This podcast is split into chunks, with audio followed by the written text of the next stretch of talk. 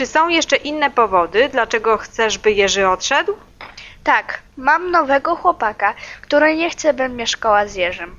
Dobrze, twój nowy chłopak jest w porządku. Dlaczego to jest dobre? Jakie to ma znaczenie dla ciebie? Nieważne, to mój mały sekret. W każdym razie dzięki za wizytę i za twoją pomoc. Nie jestem pewna, co powiedzieć. Jesteście bezczelne. Ale zawsze jestem szczęśliwa, pomagając ludziom, mówiąc im o The Linguist. Nie, to nie to, co mi pomogło. Pomogłaś mi w inny sposób z Jerzym. Nieważne. Ale Julia, ty powinnaś uczyć się języków. Robiłabyś to świetnie. Jesteś bardzo zdeterminowana i niełatwo wprowadzić cię w zakłopotanie. Wiesz, zawsze chciałam podróżować i spotykać ludzi z innych krajów.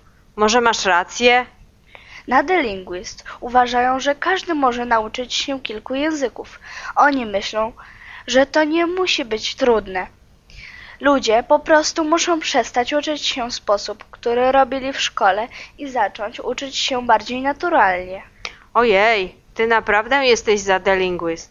Powinnaś spróbować i zobaczyć dlaczego.